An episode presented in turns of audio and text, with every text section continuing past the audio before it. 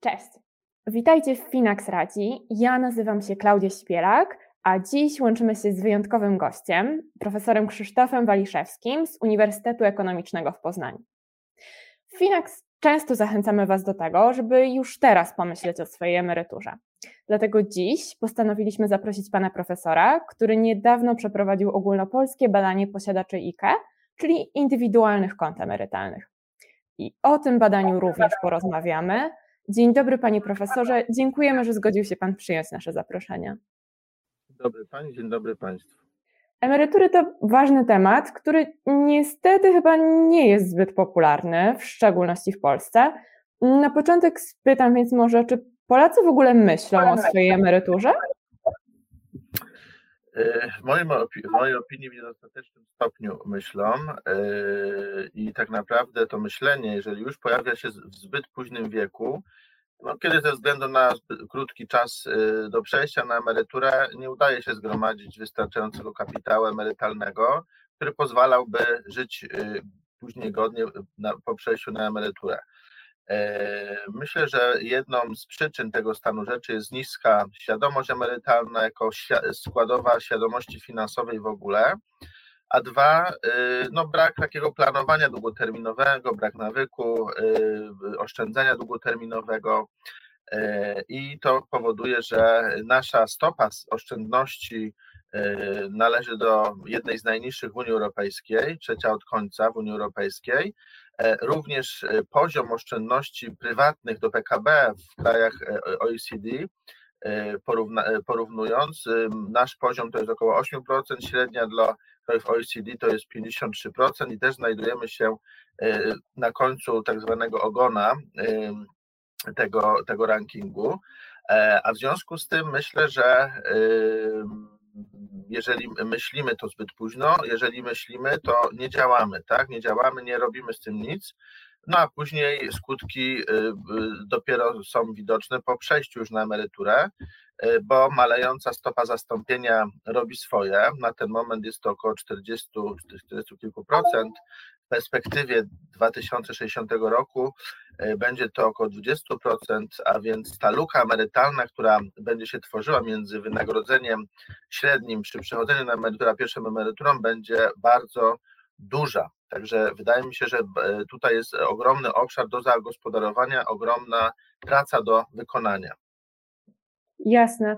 A jeśli chodzi o tych Polaków, którzy zabezpieczają swoją emeryturę, którzy nie tylko myślą, ale też podejmują działania, jakie formy zabezpieczania swojej przyszłości wybierają? To znaczy, możemy monitorować oczywiście to, co, gdzie są dostępne statystyki, yy, czyli yy, tak zwany trzeci filar systemu emerytalnego, dobrowolne yy, formy gromadzenia kapitału, czyli PPE, IKE, IKZE i ostatnio PPK. Może być tak zwany czwarty filar, czyli poza y, tymi oficjalnymi regulacjami y, formy na zasadzie takie jak aktywa jakieś rzeczowe czy inne aktywa finansowe na zabezpieczenie na starość, jakieś programy oszczędzania systematycznego długoterminowe. Natomiast to, co ze statystyk widzimy, które nam dostarcza Komisja Nadzoru Finansowego, to na około 16,7 miliona pracujących Gdyby liczyć, że dana osoba nie, jest, nie, nie, nie ma dwóch różnych produktów, to jest około 27% posiada produkty, które przed chwilą wymieniłem, PPE, IK, IKZD i PPK. Jeżeli mierzyć to udziałem liczebnym, to najwięcej osób no pewnie też ze względu na formę zapisu, około 60% e, ma e, PPK które mają te formy cztery wymienione. E, I na drugim miejscu jest IKE, natomiast jeżeli chodzi o zgromadzony kapitał, bo to jest pewnie ważniejsze, to łącznie w tych czterech formach na koniec 2021 roku zgromadzono 46 miliardów złotych, W tym mamy w IKE około 14 miliardów złotych, PPE około 19 miliardów złotych, więc te dwa tutaj dominują, te dwie formy dominują gromadzenia kapitału w ramach trzeciego filaru. Pewnie jest wiele przyczyn tego stanu rzeczy. Tak jak mówiliśmy wcześniej, ta krótkoterminowa perspektywa oszczędzania to potwierdza też, że e, większość Polaków, którzy w ogóle oszczędzają, to mają oszczędności w bardzo krótkim terminie. Natomiast nie myślimy tak perspektywicznie długoterminowo i e, w związku z tym te oszczędności nie są jakieś duże i skala partycypacji Polaków w tych formach oszczędzania, które daje, dają przepisy prawne, też nie jest jakaś oszałamiająca, pomimo tego, że wiemy, jaka jest demografia, wiemy, że y, ona się nie zmieni, będzie y, coraz gorzej w tym zakresie, a w związku z tym to powinno wzmagać popyt i, i świadomość tego, że jednak trzeba zgromadzić samodzielnie kapitał emerytalny, nie liczyć na tą tak zwaną bazę, którą państwo nam zapewnia z naszych składek, i tutaj po prostu edukacja, edukacja z jednej rzeczy, no a dwa dobre produkty, dobre produkty emerytalne. No właśnie, jeśli chodzi o produkty, ja wspomniałam już wcześniej o ogólnopolskim badaniu, które pan profesor przeprowadził. Ono dotyczyło przede wszystkim indywidualnych kont emerytalnych, tak zwanych IKE, i e, produktu, który ma wkrótce w Polsce się pojawić, czyli ogólnoeuropejskiego indywidualnego produktu emerytalnego, tak zwane OIP. Dlaczego właśnie na tych produktach skupił Pan swoje badanie? E, moje badanie zostało przeprowadzone we wrześniu tego roku na próbie ogólnopolskiej 500, e, około 550 posiadaczy IKE. Do tej pory gromadzone statystyki dotyczące tego rynku IKE to były statystyki oficjalne właśnie z Komisji Nadzoru Finansowego, to były statystyki od strony e, głównie właśnie instytucji, od strony, od strony statystyk takich strukturalnych, natomiast nie mieliśmy nigdzie e, informacji, żadnych badań dotyczących strony popytowej tego rynku, czyli właśnie posiadaczy IKE. E, I tak naprawdę nie znaliśmy ich preferencji, nie znaliśmy e, stóp zwrotu, jakie, jakie e, osiągają ze swoich inwestycji, jakich oczekiwań. A dlaczego akurat ten, ten rynek zbadałem? Dlatego, że właśnie produkt emerytalny ogólnoeuropejski, o którym Pani wspomina, no wynikający z rozporządzenia Unii Europejskiej z czerwca 2019 według założeń ustawowych e, ma właśnie bazować na e, rozwiązaniach przyjętych WIKE i już znanych WIKE, stąd właśnie badanie e, posiadaczy, posiadaczy IKE. Ankieta była udostępniona na różnych portalach finansowych i rozsyłana też jakby kierowana do osób, które interesują się inwestowaniem, oszczędzaniem, a więc e, wydaje się, że te wyniki są no, miarodajne dla osób, które posiadają e, jaki e, tak, produkt IKE w różnych formach, jeżeli chodzi o, o możliwości inwestowania, tak, czyli czy w bankach, czy, czy w zakładach ubezpieczeń, w funduszach inwestycyjnych, domach maklerskich, to dalej było też zaprezentowane. Także wyniki, można powiedzieć, pionierskie, czy badanie pionierskie, wyniki ciekawe, E, i na tym przedpolu wdrażania OIP e, można powiedzieć, że e, te wyniki można będzie też wykorzystać przy, przy tworzeniu produktów przez instytucje, które będą to OIP oferowały. Panie profesorze, to jeśli moglibyśmy prosić, gdyby mógł Pan nakreślić, do jakich wniosków właściwie doprowadziły te badania? Tych wniosków jest bardzo dużo, dlatego że y, pytań, ankieta była bardzo rozległa. Nie damy rady omówić wszystkiego tutaj ze względu na ograniczony czas naszego, naszej rozmowy. Natomiast to, co udało się ustalić w, w tych badaniach, to na przykład w co inwestują Polacy w ramach IKE i okazało się, że Y, taką dominującą odpowiedzią to były właśnie fundusze ETF 54% i akcje 52%, na trzecim miejscu to były obligacje około 30%, więc te formy dominują. Oczywiście badaliśmy, badaliśmy również i, i różne zależności metodami statystycznymi. I tutaj przykładowe wnioski oczywiście e, przedstawię. Na przykład było pytanie dotyczące tego, czy sam decydujesz o składzie swojego portfela, czy instytucja e, za ciebie decyduje. E, I w związku z tym wyszło na z badania, że osoby, które same decydowały o składzie portfela, częściej monitorowały jego stan, miały tańsze koszty prowadzenia swoich rachunków, wyższą wartość konta w IKE e, i e, częściej znały pojęcie OIP, bo też było pytanie e, w tej trzeciej części ankiety, gdzie pytaliśmy właśnie o znajomość OIP i tego, jakie są ewentualnie preferencje, w co by chciały, co by chciały osoby zainwestować w ramach tego nowego produktu. Jeżeli chodzi o kwotę wpłat, to okazuje się, że większość osób wpłacała ten maksymalny ustawowy limit, jak gdyby kwalifikujący do preferencji podatkowych, co później też się potwierdziło w tym, co cenią posiadacze IKO, jeżeli chodzi o produkty emerytalne. Właśnie preferencje podatkowe i niskie opłaty były tymi wiodącymi Y, z najwyższym odsetkiem odpowiedzi cechami dobrego produktu emerytalnego. Jeżeli chodzi o kolejne wyniki tego badania, y, to osoby, które samodzielnie decydowały o składzie IKE, E, były w większym stopniu zadowolone ze swoich wyników, e, większą wagę przywiązywały do preferencji podatkowych bezpieczeństwa środków e, w ramach produktów gromadzenia kapitału emerytalnego.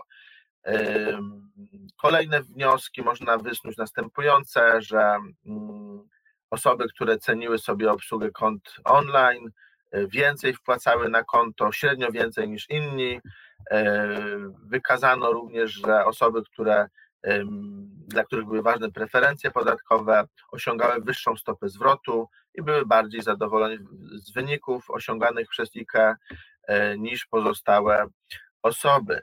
E, można również powiedzieć, że jeżeli chodzi o właśnie te najważniejsze czynniki, E, przy e, IKE czy przy OIPE to pierwsze miejsce preferencje podatkowe, drugie miejsce niskie opłaty i trzecie e, bezpieczeństwo środków, obsługa online czwarte miejsce i dopiero na piątym miejscu stopa zwrotu, czyli okazuje się, że tak naprawdę stopa zwrotu jest bardzo ważna, ale tutaj w ocenie naszych posiadaczy nie najważniejsza z tych, z tych innych czynników, które brane były pod uwagę. I tak naprawdę można tych wniosków jeszcze snuć wiele, tak jak mówię, ale to nie czas miejsce, żebyśmy aż wszystko omawiali. Te najważniejsze wydaje mi się, że przedstawiłem. E, one mogą być e, jak gdyby punktem wyjścia do, do, do opracowywania produktów, produktów w ramach OIP. Jasne, a skoro jeszcze może e, o wynikach, to zapytam, czy dzięki temu badaniu wiemy, ile właściwie Polacy zarabiają w IKE?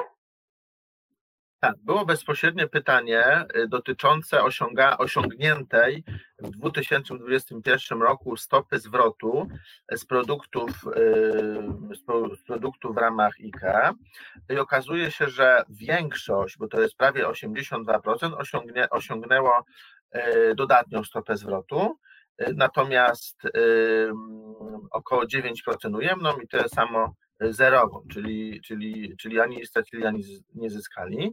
Jeżeli chodzi o inne statystyki, na przykład y, mediana 7%, średnia stopa zwrotu 9,4%.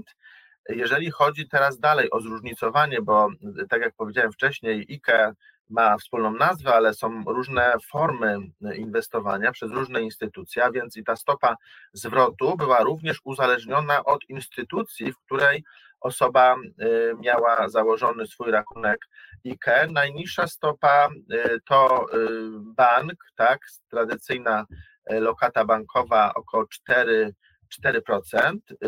Jeżeli chodzi o TFI, około 4,5%, Towarzystwo Ubezpieczeniowe 8%, dom maklerski najwięcej, około 8%, mediana i średnia 11%. Także tak te wskaźniki się kształtowały. Część osób nie znała swoich stóp zwrotu, no szczególnie tych, ci, którzy nie monitorowali jak gdyby składowych przebiegu inwestycji, no to też daje do myślenia, że tak naprawdę ktoś powierzył środki, ale już, już na bieżąco się nie interesuje chociażby tym parametrem stopy zwrotu, który jest no, ważny dla naszych przyszłych emerytur. A jeśli mówimy o tych konkretnych, konkretnych wynikach, to właściwie czy to dużo, czy mało? Znaczy, tu by trzeba było porównywać e, z różnymi innymi formami inwestowania czy oszczędzania inwestowania e, i e, tak naprawdę biorąc pod uwagę przykładowo porównanie do modeli stóp zwrotu modelowych portfeli Finaxa i też ten rok poprzedni, to można powiedzieć, że te stopy, które osiągali posiadacze IKE, były y, średnio niższe niż y, posiadacze portfeli, y, w których była domieszka powiedzmy pół na pół akcji, no i później akcje w tych innych portfelach, gdzie mieliśmy 60 akcji, 40 obligacji, 70 akcji, 30 obligacji i tak dalej. No w naszym przypadku najwyższa stopa e, właśnie zwrotu z instrumentów e, realizowanych przez domy maklerskie to była 11%, przy medianie 8, a więc tak naprawdę mm, wydaje się, że tutaj e, porównanie tego, tych stóp zwrotu z modelowymi portfelami Finaxa wypadają e, słabiej, gorzej. W związku z tym e, właśnie pytanie o to, co można zrobić, żeby te stopy zwrotu e, w przyszłości podwyższyć, powiększyć. To w takim razie mamy tutaj pytanie, co można zrobić, żeby te stopy zwrotu podwyższyć, ale też na podstawie, na podstawie poprzednio wymienianych wniosków nasunęło się, że można wykorzystać je do tworzenia innego, lepszego produktu emerytalnego. No i tutaj nasuwa mi się takie pytanie, jak wyglądałby taki idealny produkt emerytalny? To znaczy, wydaje mi się, że tutaj też bardzo ważnym pytaniem, do, które nawiązuje do Pani pytania w naszej ankiecie, było to, czy y, osoby, które obecnie mają MIKE, są zadowolone ze swojego produktu emerytalnego.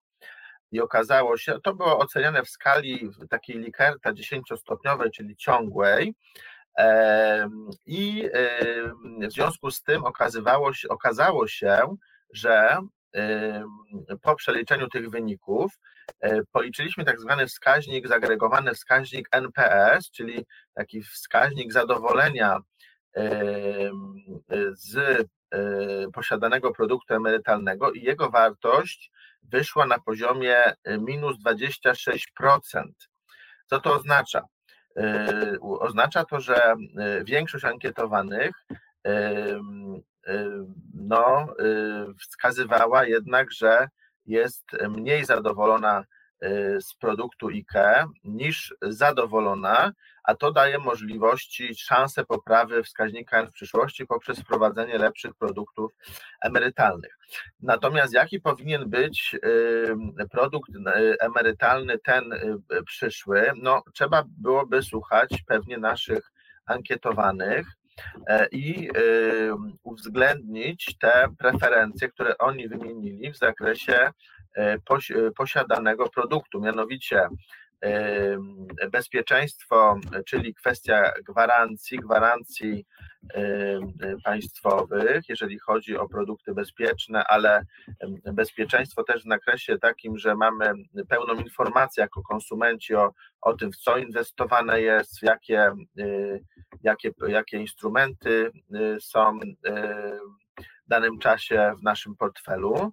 E, preferencje podatkowe to jest ewidentnie bardzo wysoko skalowalny czynnik e, i tutaj e, on razem jak gdyby z niskimi opłatami, no, powoduje ten efekt ostateczny naszego inwestowania, no, czyli już tą netto, tą stopę zwrotu netto, już po odjęciu opłat za zarządzanie naszym produktem emerytalnym. Wydaje mi się, że też dostęp online ma znaczenie, bo ta digitalizacja naszych zachowań finansowych, szczególnie po pandemii, kiedy ta, ta transformacja, przejście szybkie y, do y, przestrzeni zdalnej udało się zrobić y, tak jak nigdy wcześniej, przyspieszyć, tak, nawet dla starszych grup naszego społeczeństwa. To też byłoby ważne. No i oczywiście, jeżeli myślimy o wspólnym rynku europejskim, no to też możliwość inwestowania za granicą, inwestowania w aktywa, y, tak, nie tylko w Polsce, ale na rynkach globalnych nawet, no i możliwość y, korzystania z y, transgranicznego świadczenia usług, no bo ogólnoeuropejski produkt emerytalny jest odpowiedzią właśnie na różne problemy, które zdiagnozowano w zakresie niedostatecznych oszczędności, właśnie różnic w prawie, w prawach poszczególnych krajów w zakresie emerytur i e, pewna, pewne ujednolicenie, pewna harmonizacja w tym zakresie ma służyć podniesieniu stopy oszczędzania na starość w, w krajach Unii Europejskiej. Czyli dobrze rozumiem, że tutaj OIP może być odpowiedzią na, e, na takie potrzeby? Yy, myślę, że tak. Jeżeli e, wdrożenie będzie e, tego produktu w miarę szybkie, tak jak zresztą według przepisów już powinno ono się odbyć w marcu, natomiast ze stron urzędowych wynika, że to jest trzeci, czwarty kwartał tego roku, czyli właściwie powinniśmy już mieć końcówkę wdrażania. Wiemy, że, te, że tak na razie nie jest, że gdzieś utknęły te prace nad tym nad, nad tym produktem OIP. Wydaje się, że będzie to dobra odpowiedź na te potrzeby, y, ale jest jedna ważna rzecz.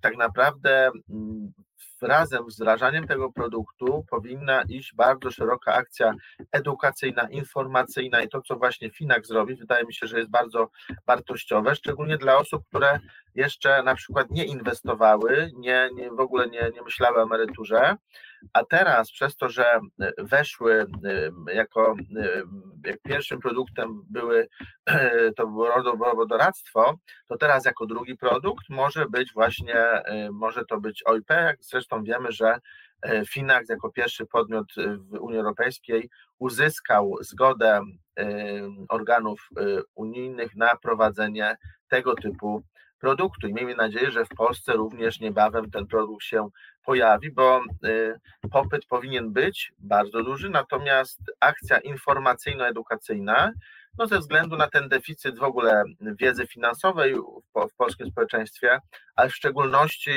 y, niski poziom tej świadomości emerytalnej, czyli właśnie uświadomienie na liczbach ile ktoś dostanie emerytury przy obecnych zarobkach, obecnym poziomie zgromadzonego kapitału emerytalnego. I te liczby chyba będą bardziej przemawiały niż jakieś wykłady ogólne, bo wtedy na naszym przykładzie, na własnym, na własnym przykładzie będziemy mogli yy, sobie wyobrazić to, że nie mamy żadnego yy, kapitału dodatkowego na emeryturę i popadamy tak naprawdę w ubóstwo, albo wnioskujemy do państwa o pomoc jakąś y, socjalną, no ale to nie tędy droga chyba, bo, bo, bo to wymagałoby jednak własnej samodyscypliny i takiej zapobiegliwości no, w gromadzeniu własnego, w kuciu własnego losu na, na emeryturę.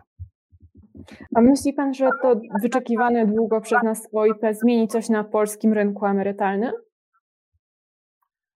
E, to znaczy, mm, tak jak powiedziałem, e, możliwości e, transgranicznego przekazywania tych, tego kapitału, ujednolicenie w zakresie pewnych rozwiązań, możliwości inwestowania, ujednolicenie opłat, czyli kosztów w pewnym zakresie też może nam pomóc.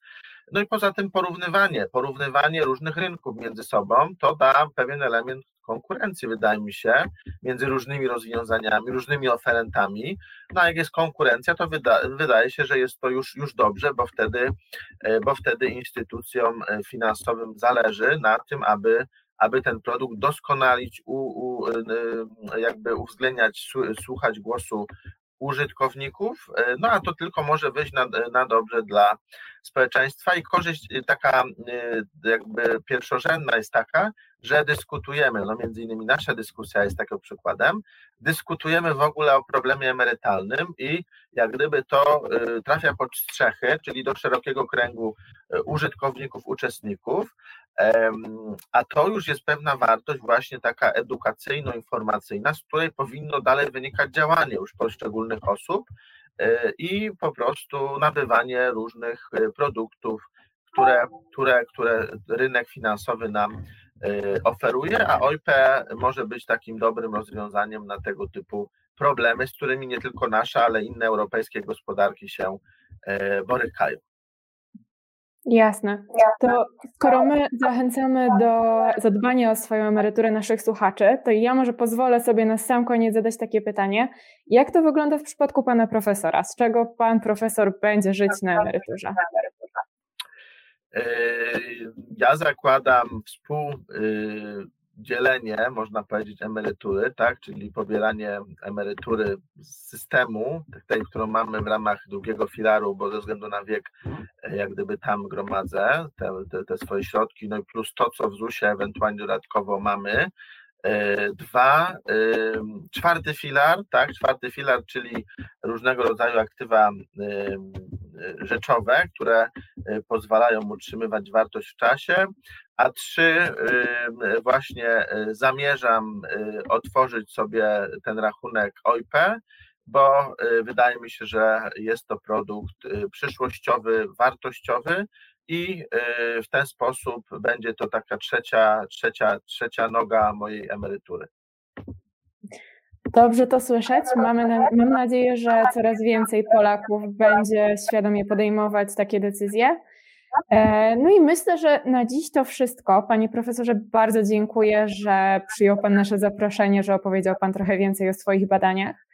E, dziękuję wszystkim widzom za uwagę. Pamiętajcie, że jeżeli podobał Wam się ten odcinek, to dajcie łapkę w górę, subskrybujcie nasz kanał i bądźcie z nami, śledźcie kolejne odcinki. Do zobaczenia. Dziękuję Pani, dziękuję Państwu i zachęcam do oszczędzania i inwestowania na emeryturę.